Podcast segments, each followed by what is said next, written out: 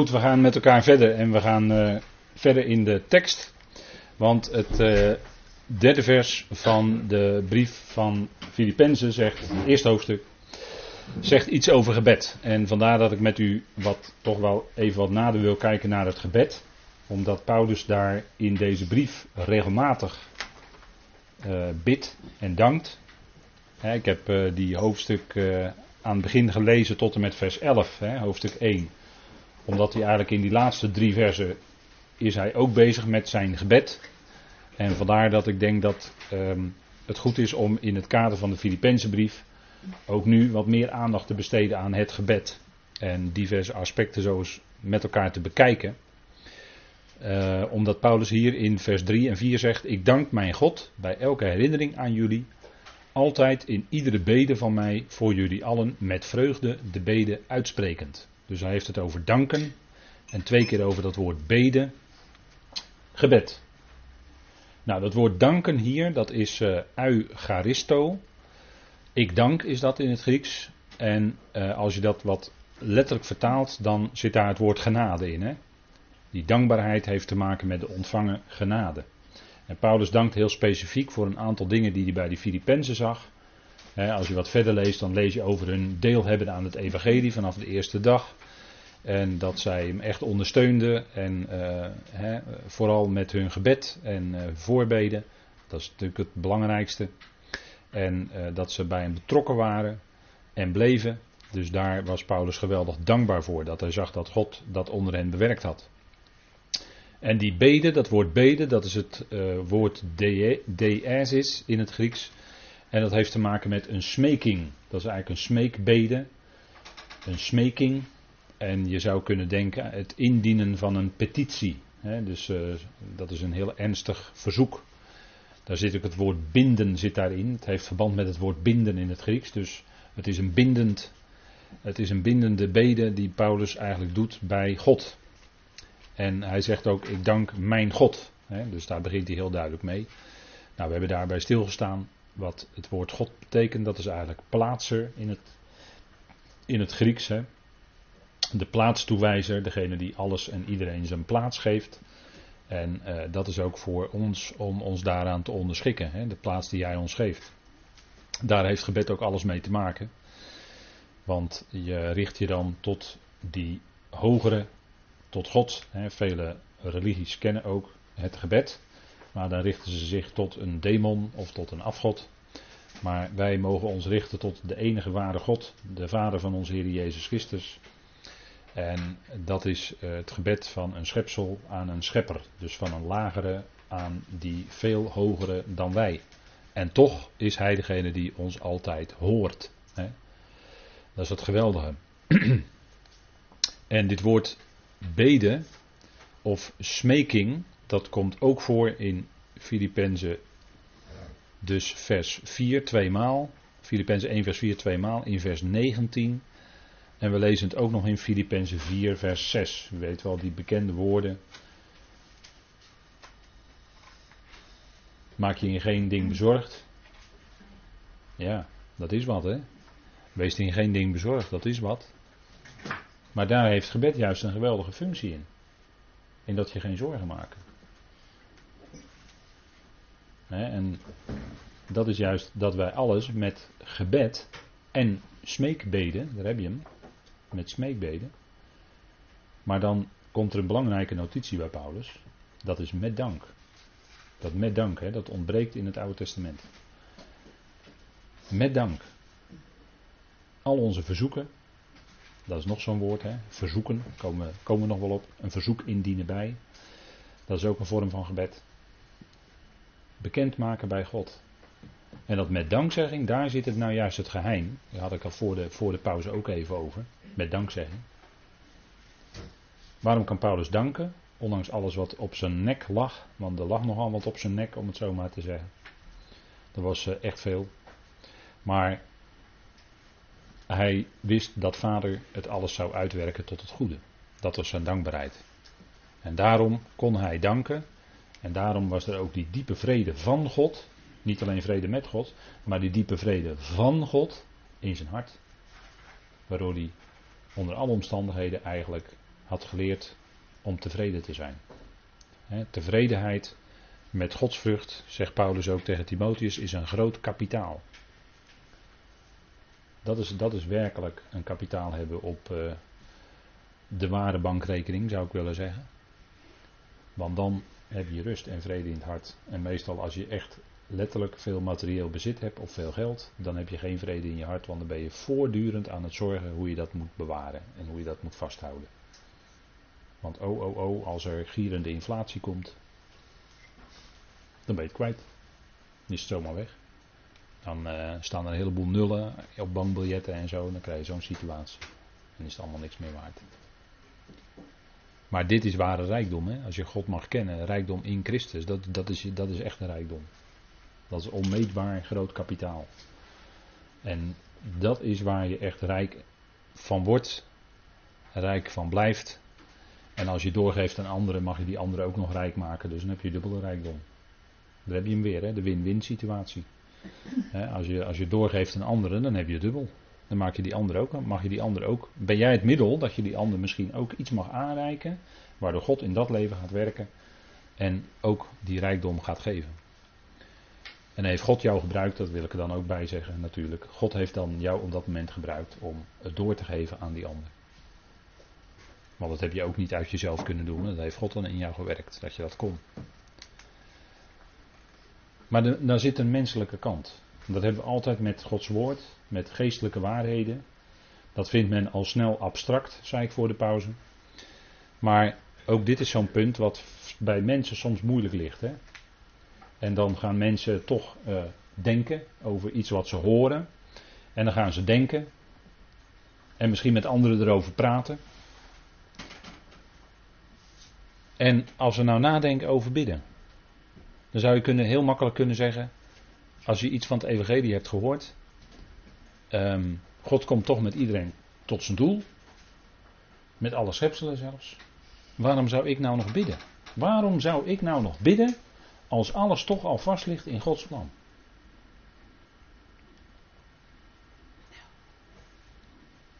Want je kan daarbij nog zeggen, ja, alles is uit God. En daar krijg je er wel eens naar toe, hè? Zo van, dat zeggen jullie toch? Nou, dat zeggen wij niet, dat zeggen wij niet, dat zegt Gods woord. Dus dat uh, schrijf ik dan gelijk door hoor. Het staat daar. Je moet niet, bij mij ben je dan een verkeerd adres. Het staat daar in de schrift. Dus dan moet je bij God zijn, niet bij mij. Ik geef alleen maar iets door wat ik lees. En wij geven iets door wat we lezen in de schrift. En in de schrift staat meerdere keren dat alles uit God is, ja. En dat blijkt ook uit heel veel teksten. Daar kan je echt een enorme stapel teksten van aanleveren hoor, dat alles uit God is. Echt hoor. Kijk, de schrift leert de absolute godheid van God. Wij als schepselen kunnen niets doen wat tegen zijn plan of bedoeling ingaat. Kunnen wij niets tegen doen. we kunnen wel, net als Israël, tegen zijn geopenbaarde wil ingaan. God had zijn wil geopenbaard in de wet. Je zult geen andere goden voor mijn aangezicht hebben. En wat deed Israël? Ze hadden massaal andere goden voor zijn aangezicht. De hoogten. De Baals en de Astartes. Nou, u weet er alles van. Ik zie al diverse mensen knikken. U weet er alles van. De palen, hè, de gewijde palen. Die zijn er nog steeds hoor, wereldwijd. Er staat er eentje bij het Vaticaan. Daar hebben we met profetisch woord over gehad met elkaar. Er staat er in Washington. Als straks eh, de nieuwe president wordt ingehuldigd, dan kijkt hij naar zo'n gewijde paal. Dat is heel bewust hoor, dat dat daar gebeurt. Dat is heel bewust. Dat is niet zomaar, daar zit geestelijke lading aan. Maar de gewijde palen, die had je in Israël. De hoogten. Ze hadden dus massaal andere goden voor zijn aangezicht. Zult u geen gesneden beeld maken, deden ze wel. Of uit hout of uit steen, maakt niet uit. Terwijl ze dat hout gewoon in de open haard hadden moeten doen. Heb je nog warmte van ook. Maar je kan tegen Gods geopenbaarde wil ingaan. Kijk naar Israël. De grote illustratie uit de volkeren. De grote illustratie ging massaal in tegen wat Gods wil was. En wat was nou het wonderlijke? Dat God precies daarmee zijn bedoeling uitwerkt. Dat is nou het wonderlijke in Gods woord. Dat er, dat er meerdere woorden zijn voor Gods wil. eigenlijk, eigenlijk natuurlijk Gods wil, zijn geopenbaarde wil zeggen we dan, hè, telema. Telos betekent ik wil, hè, telo, ik wil. Gods wil maakt hij bekend in zijn woord, de mens gaat er tegenin. Begon bij Adam en Eva al. En toch werkte God daar zijn bedoeling mee uit. Want het was de bedoeling dat Adam en Eva zouden zondigen. Want waar komt die boom van kennis van goed en kwaad dan vandaan? Die stond midden in de hof. Je kon hem niet missen, hij stond er middenin.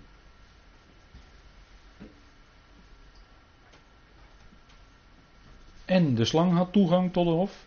Zullen we maar zeggen, zullen we maar de slang noemen, voor het gemak. Er staat wat anders, maar goed, we noemen maar slang voor het gemak. Had ook toegang tot de hof, had toegang tot de mensen. God had ook die slang kunnen vrienden, dat hij never nooit toegang had tot de mens.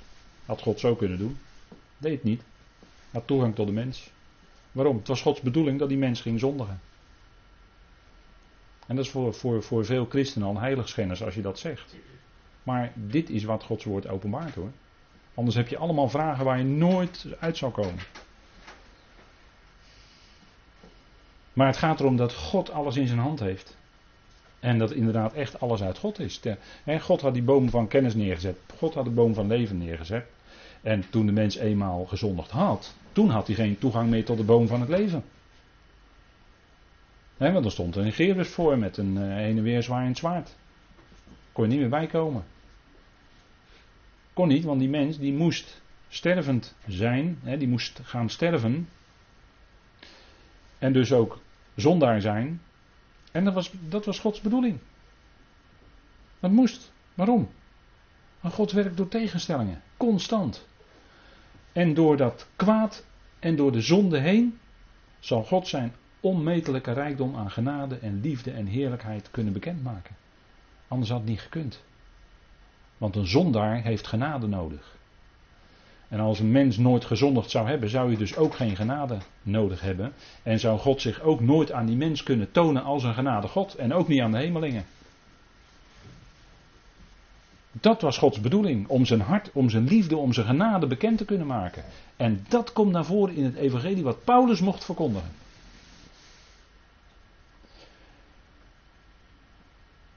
En we, we leren uit zoveel schriftplaatsen. Er zijn zoveel schriftplaatsen.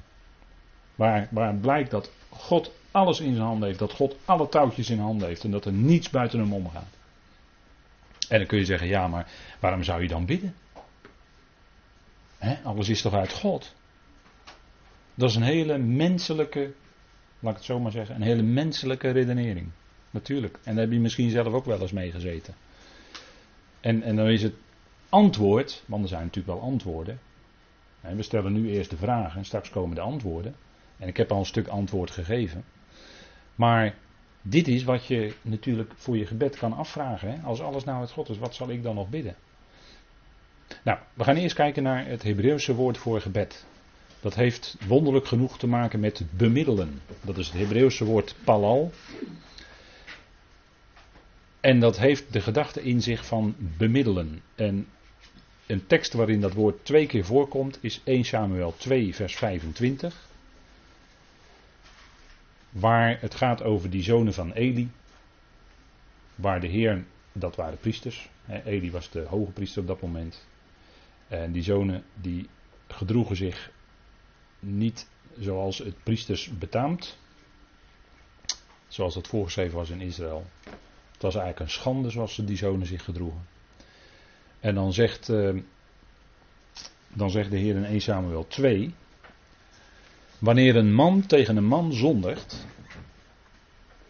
zal Elohim, of iets anders gespeld Elohim, maar zal Elohim, de onderschikkers, hem richten.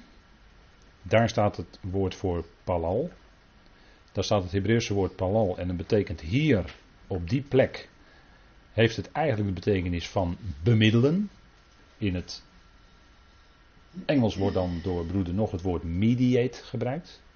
To mediate, dat kennen we vandaag de dag wel, hè, want alles heeft een Engels woord tegenwoordig in onze samenleving. Dan heet het een mediator in plaats van een bemiddelaar. dat uh, wordt bij conflicten in bedrijven en tussen mensen wordt dat uh, steeds meer ingezet. Hè. Een mediator, die moet dan met de beide partijen gaan praten. Het is in het Nederlands een bemiddelaar. En dat is het woord wat hier gebruikt wordt, palal. En wanneer een man tegen JW zondigt, wie zal voor hem bidden? En dat is een iets andere Hebreeuwse vorm. Ik ga er niet verder op in, dan wordt het een beetje te technisch. Maar dan is het dan, dit woord is dan heel vaak in de schrift vertaald met bidden. En dat heeft dus de gedachte bij zich van als je zelf, hè, dan wordt het, kun je dat woordje zelf eraan vastplakken bij die Hebreeuwse vorm. Dus zelf bemiddelen, dat is eigenlijk de gedachte bij bidden. En uh, dat is even vanaf de grond af aan. Hè? Dus je hebt hier JW, een man zondig tegen JW, en wie zal dan voor hem bidden? Het heeft te maken met dat opkomen voor, weet u wel, uit uh, Romeinen 8.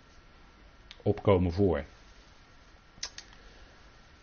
Kijk, in Israël waren de priesters die moesten bemiddelen, of die bemiddelden tussen JW en het volk. De Israëlieten konden dan offers brengen, dat moesten ze dan bij de priester brengen. En de priester offerde dan bij de tabernakel of bij de tempel. En dat was dan een vorm van bemiddeling. Dus je zou kunnen zeggen dat zo'n priester dan een bemiddelaar was tussen God en die Israëliet. Door dat offer te brengen. Zo was dat bij Israël geregeld. En je zou kunnen zeggen dat het gebed bij ons die plaats inneemt die de priester had in Israël. dat blijkt dus uit het gebruik van het woord palal. Ja, dat is de achtergrond. En ik heb het hier ook eh, in het Hebreeuws erbij gezet. Dat is het woord met die voorzetsel it, it palal. Dat betekent zelf bemiddelen. En dat is eigenlijk de betekenis vanuit, vanuit dit belangrijke Hebreeuwse woord. Er zijn meer Hebreeuwse woorden die je met gebed of eh, de, verzoek en dergelijke kan vertalen, natuurlijk. Maar dit is een, een belangrijk punt. Hè? Zelf bemiddelen. Dus je richt je tot die hogere, om het zo maar te zeggen. En dat is figuurlijk gesproken een vorm van bemiddeling. Dan stellen we weer een vraag.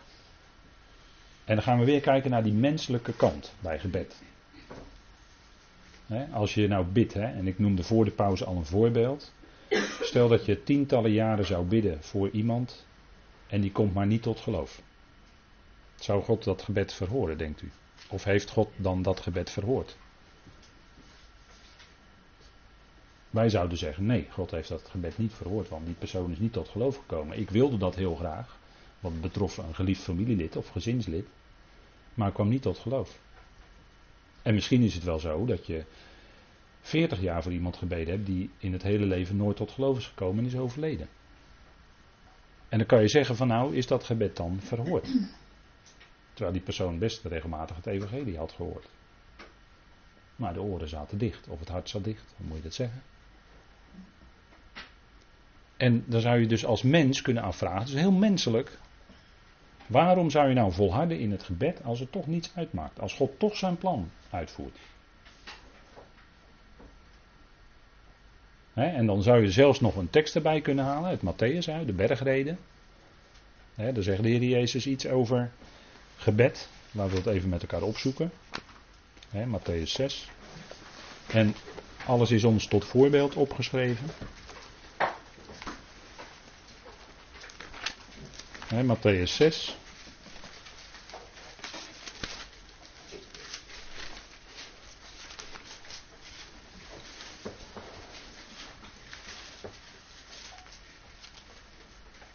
Gaat het vanaf vers 5 over het bidden. Hè? En misschien dat we een volgende keer willen iets ingaan op het Onze Vader. Hè? Dat is natuurlijk een heel bekend gebed, wat, uh, wat vaak gebeden wordt in kerken en bij uh, belangrijke gebeurtenissen. Dus te kijken wat daar nou precies bedoeld wordt met het, het Onze Vader. Misschien dat ik daar de volgende keer nog iets over zeg, maar um, het gaat hier vanaf vers 5 over en wanneer u bidt, zult u niet zijn als de huigelaars, want die zijn er zeer opgesteld om in de synagogen en op de hoeken van de straten te staan bidden, om door de mensen gezien te worden. Voorwaar ik zeg u dat zij hun loon al hebben. In feite zegt de Heer, zij, zetten zichzelf daarmee eigenlijk al te kijken. De, de schriftgeleerden en fariseeën die uh, uitgebreide gebeden uitspraken op de hoeken van de straten om gezien te worden. Kijk eens hoe, hoe lang en hoe geweldig ik bid, hè, is dat eigenlijk. Maar dan zegt hij, maar jullie, wanneer jullie bidden, ga in je binnenkamer. hier, hier staat, ik weet niet of het in een NBG staat, dat woord binnenkamer. Ja. Het staat wel ook in de NBG? Oh, nou, ik las ergens dat in een nieuwe vertaling dat woord binnenkamer helemaal niet meer staat, maar dat is misschien dan in de NBV. Of in de NBV, maar in de herziene statenvertaling staat het wel. Die, die, zijn, die blijven er nog dichtbij. Maar als je de nieuwe Bijbelvertaling, de NBV leest, of de BGT hè, tegenwoordig, hè, de Bijbel in gewone taal heb je ook. Ja, dus er wordt afkorting. Deze is de afkorting, BGT. Bijbel in gewone taal. Maar ik weet niet of het daarin staat. Moet u maar eens nakijken. Maar dat is wel een belangrijk woord. Want kijk, dat woord binnenkamer, wat wordt daar nou mee bedoeld? Dat is in het Grieks het woord tamaion. En dat is een voorraadkamer eigenlijk. De Joodse huizen kenden in die tijd, en misschien nog steeds wel, een bepaald voorraadkamertje. Waar het dan even in Israël dan vrij koel is. En dat bedoelde de Heer, ga dan in dat kamertje en dan nog bovendien sluit de deur af, hè, doe de deur op slot. Dus heb je echt zekerheid dat niemand je ziet. En bid tot je vader, die in het verborgene is. Want daar is hij ook, hè? Natuurlijk, vader. Vader is geest. En uw vader die in het verborgene ziet. Dus hij ziet je wel waar je bent. Dat maakt helemaal niet uit, hè? Of je nou in een binnenkamertje zit, in het halfdonker te bidden. Maar vader is daar. Vader ziet je. Vader is nabij. dat is het geweldige wat hier uitspreekt. Hè? Dat waar je ook bent. Of je nou een binnenkamer opzoekt. En dat is misschien nog wel het beste. Dan dat je in plaats van dat je uitgebreid voor de oren van bidt. Maar je vader die in het verborgene ziet. Die je dus wel degelijk daar ziet. En die je ook je van binnen ziet, je hart ziet. Zal het je in het openbaar vergelden. Kijk, dat is hè, de, de, beloning en dat is voor ons dan in geestelijke zin, wat je dan ervaart, geestelijk gezien, dat is wat Vader je geeft. En als je bidt, gebruik dan geen omhaal van woorden zoals de heidenen, want zij denken dat zij door de veelheid van uw woorden verhoord zullen worden. En er wordt hier verwezen in de Bijbel die ik hier heb, naar 1 Koningen 18. En dat is met de Baalpriesters, weet u wel. Die stonden heel lang te bidden. Bij dat altaar, of er dan de Baal, of die dan wel vuur zou geven. En ze stonden urenlang te bidden en elkaar te slaan totdat het bloed eruit kwam. En dat zie je vandaag de dag ook nog wel eens in bepaalde godsdiensten. Dat ze elkaar pijnigen totdat het bloed eruit komt.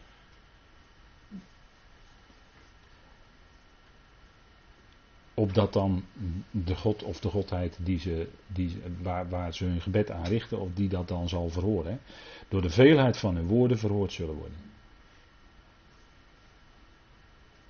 En de God van Elia, die zorgde voor vuur uit de hemel, waarbij niet alleen het offer op het altaar, maar waarbij heel het altaar door vuur werd verslonden, met al het water inclusief, alles. Alles werd door het vuur verslonden is onvoorstelbaar. Maar God verhoorde de God van Elia, de God van Israël, die zich daar zien als de God, die werkelijk antwoord geeft. En dan staat er in vers 8, wordt dan aan hen niet gelijk, want uw vader weet wat u nodig hebt, voordat u tot hem bidt. En ook daar zou je dan als rationeel mens kunnen zeggen, ja, maar als vader toch al weet wat ik nodig heb voordat ik hem bid, dan hoef ik toch niet te bidden. kan je weer vragen hè, als mens. De menselijke kant. Denken van mensen. Dat, is, dat is. Ook soms is een vraag uh, veel sneller gesteld en dan denk je van, ach, als ik nou op deze vraag moet antwoorden. Ach, ach, dan heb ik een hele tijd nodig. Maar goed, die vragen zijn er. En er is wel antwoord op in de schrift. Kijk, wat, wat die mensen doen, is eigenlijk doorredeneren. Daar heeft de Heer Jezus het regelmatig over. En dan zegt hij in de vertaling: Wat overleggen jullie toch in je hart? En eigenlijk staat er dan: Wat redeneren jullie nou door? en je moet zo oppassen met je eigen menselijke denken, een redenering op te zetten. En dan kun je wel zelfs een aantal teksten uit de schrift naast elkaar zetten en dan jouw redenering daarop loslaten. Maar dat wil nog helemaal niet zeggen dat jij met jouw redenering dan goed uitkomt. Omdat je niet doorhebt dat je op een menselijke manier aan het denken bent, aan het redeneren bent. En dan loop je misschien wel tegen de muur van je eigen denken op. En besluit je om niet meer te gaan bidden, want ja, alles is toch Gods plan. Waarom zou ik dan nog bidden? En dat is puur menselijk gedacht. Dat is menselijk doorredeneren. En, en Paulus, ja, lastig, hè? lastige Paulus hoor.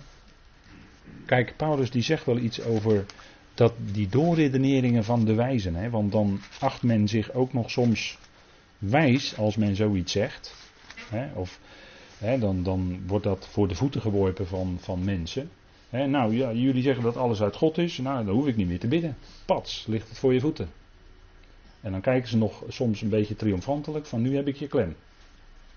Nou, daar, daar gaat het helemaal niet om. Op die manier hoef je ook niet met elkaar. Daar gaat het ook helemaal niet om. Maar het punt is dat degene die zo denkt, hè, wat, wat heel logisch lijkt, maar wat zegt Paulus daarvan in 1 Korinthe 3, vers 20 bijvoorbeeld? De Heere kent en opnieuw, en dan citeert hij uit de schrift, uit de Tenach, 1 Korinthe 3 vers 20. De Heere kent de overwegingen, letterlijk de doorredeneringen van de wijzen, dat zij zinloos zijn. Ze zijn ijdel, leeg. Hoe knap iemand ook is.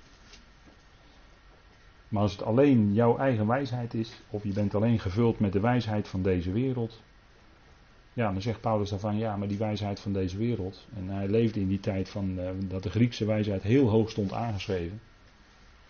Die uit Athene kwam. Maar zegt, ja, de wijsheid van deze wereld, het is eigenlijk dwaasheid voor God. Hè? Dus die hoofdstukken lang in de eerste Korinthebrief mee bezig. De doorredenering van de wijzen, ze zijn dwaas. Het is leeg. Waarom is het leeg? Het leidt tot niets. mensen kunnen filosofisch prachtig filosoferen en denken en heel diep denken zelfs. Maar Paulus zegt het is leeg. Het is leeg. Want het zijn doorredeneringen van de mens. En misschien hier en daar nog wel aangezet door de tegenwerker ook, zonder dat die mensen zich bewust is. Want het, want het leidt tot niets. Je komt er niet verder mee. Je loopt tegen de muur, misschien wel van je eigen denken. Of misschien wel tegen dat, hè, werpt die andere wel een muur op. Hè, met allemaal stenen gemetseld met eigen denken. Maar daar kom je dus niet verder mee. Maar dat is de menselijke kant. Maar we kunnen ook kijken naar Gods kant. Want Paulus zegt toch: Ik dank mijn God. Dat maakt het grote verschil. Hè? Dat maakt het grote verschil. Ik dank mijn God. dat is de God die hij had leren kennen. Niet vanuit zijn judaïsme, maar vanuit nadat hij werkelijk tot ommekeer was gekomen op weg naar Damascus. en, en de naam Damascus, dat is heel mooi, want u weet misschien wat Damascus betekent als u dat vanuit het Hebreeuws vertaalt. Dam is het Hebreeuwse woord voor bloed. En shach of shak, damas shak, dat is vergieten. Dus hij was op weg naar het vergoten bloed. Dat is de betekenis van de naam Damascus. Als je het vanuit het Hebreeuws ziet. Dat is wat. En op weg naar die stad kwam hij tot ommekeer en leerde hij diegene kennen die voor hem zijn bloed vergoten had. Jezus. En er was een grote ommekeer in Paulus' leven. Hè? Mijn God, zegt hij dan. Hè? Was voor hem zo heel persoonlijk geworden. Mijn God. En Ik dank mijn God bij elke herinnering aan jullie. Want nu gaan we kijken naar Gods kant. En, en wat maakt nu het verschil voor ons als gelovigen? Geloof. Geloof. Je kunt redeneren wat je wil. En je kunt zo knap zijn in je hersens wat je wil. Maar je komt er niet verder mee als je daarin blijft hangen. Als je steeds maar weer dat opzoekt en daarin blijft hangen. Dan kom je niet verder mee. Dat zegt Paulus. Dat zegt de schrift. Maar Gods kant is, wat zegt God nou eigenlijk over gebed? En dan komen we bij antwoorden. Hè? God geeft antwoord op die vragen. Kijk, en dan is het een heel eenvoudig gegeven. En ik denk dat vaak toch zo is hoor. Hele eenvoudige dingen. Het in geloof aanvaarden en doen is wat ook in de bergreden staat. Bid en u zal gegeven worden. Eigenlijk staat er verzoekt, maar dat is ook een vorm van bidden. En u zal gegeven worden. Dat is gewoon wat de Heer zegt. En dan wordt dat gegeven, wat dan ons gegeven wordt, dat, dat, dat vult natuurlijk verschillende evangelieën anders in, dat weet ik wel. Maar dit is, dit is, dit is geloof. En dit doen. Je kunt redeneren wat je wil, alles is dat God enzovoort. Nee, er staat gewoon eenvoudig: bid en je zal gegeven worden. Waarom? Dat God van meet af aan maar op één ding uit was: omgang met zijn schepselen te hebben. En alles in het werk te stellen dat die schepselen met hem vrije omgang zouden kunnen hebben. Je kan het ook heel eenvoudig zeggen: God wil gebeden zijn. Dat is heel eenvoudig. En als je, als je iets van het evangelie hebt leren kennen en als je iets van die genade hebt leren kennen, dan wil je ook niet anders dan God danken. Ik denk dat daar alles mee, eigenlijk zou het daarmee beginnen. Dank God voor alles wat Hij al gedaan heeft. Jij hoeft niks te doen zonder, je hoeft niks te doen, alles is al gedaan. Het is genade. En daarom, genade, garis, dat zegt het al, hè? danken. Je kan God danken voor de genade die Hij al gegeven heeft. Als je een cadeau krijgt, dan wil je, dan wil je daar graag dankjewel voor zeggen. Je doet dan niks terug, maar je zegt dankjewel eenvoudig. En dat is wat God zo graag ziet en, en hoort. Die dankbaarheid uit het hart, wat door Hem aangeraakt is. God wil gebeden zijn. Hij wil dat we als schepselen omgang met Hem hebben. En dat, dat klinkt door in dit eenvoudige, die eenvoudige uitspraak van de Heer. Bid en u zal gegeven worden. Hè? Verzoekt en u zal gegeven worden.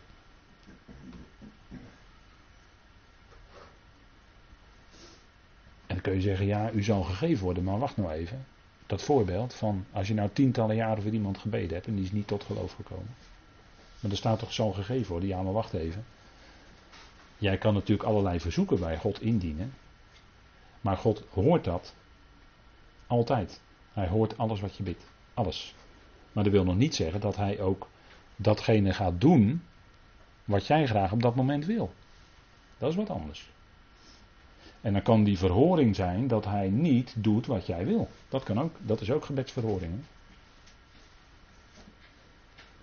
Dat is ook gebedsverhoring. Paulus bad drie keer dat die bode van de tegenstander van hem af zou laten, die doorn in het vlees, weet u wel. En God nam dat niet weg. God nam het niet weg. God liet dat in zijn leven zitten. En zegt Paulus, en die had het begrepen, die zegt twee keer dan, opdat ik mij niet al te zeer zou verheffen. Het maakte hem ootmoedig, het hield hem ook ootmoedig. En dat zou de reden kunnen zijn waarom God dan op een andere manier verhoort dan dat jij zou willen. Kijk, bij een oorlog dan zijn er twee landen in oorlog met elkaar. Dit heb je in de eerste waarschijnlijk gehad en in de Tweede Wereldoorlog ook. Dat van beide kanten er mensen, echt oprechte, gelovige mensen waren die baden voor de overwinning. Oprecht. Maar welke kant moet God dan verhoren? De ene kant of de andere kant? Begrijpt u? Het is een heel simpel voorbeeld natuurlijk. Maar het kan ook subtieler zijn. Overwinning in strijd. En we, we hebben te maken met geestelijke strijd.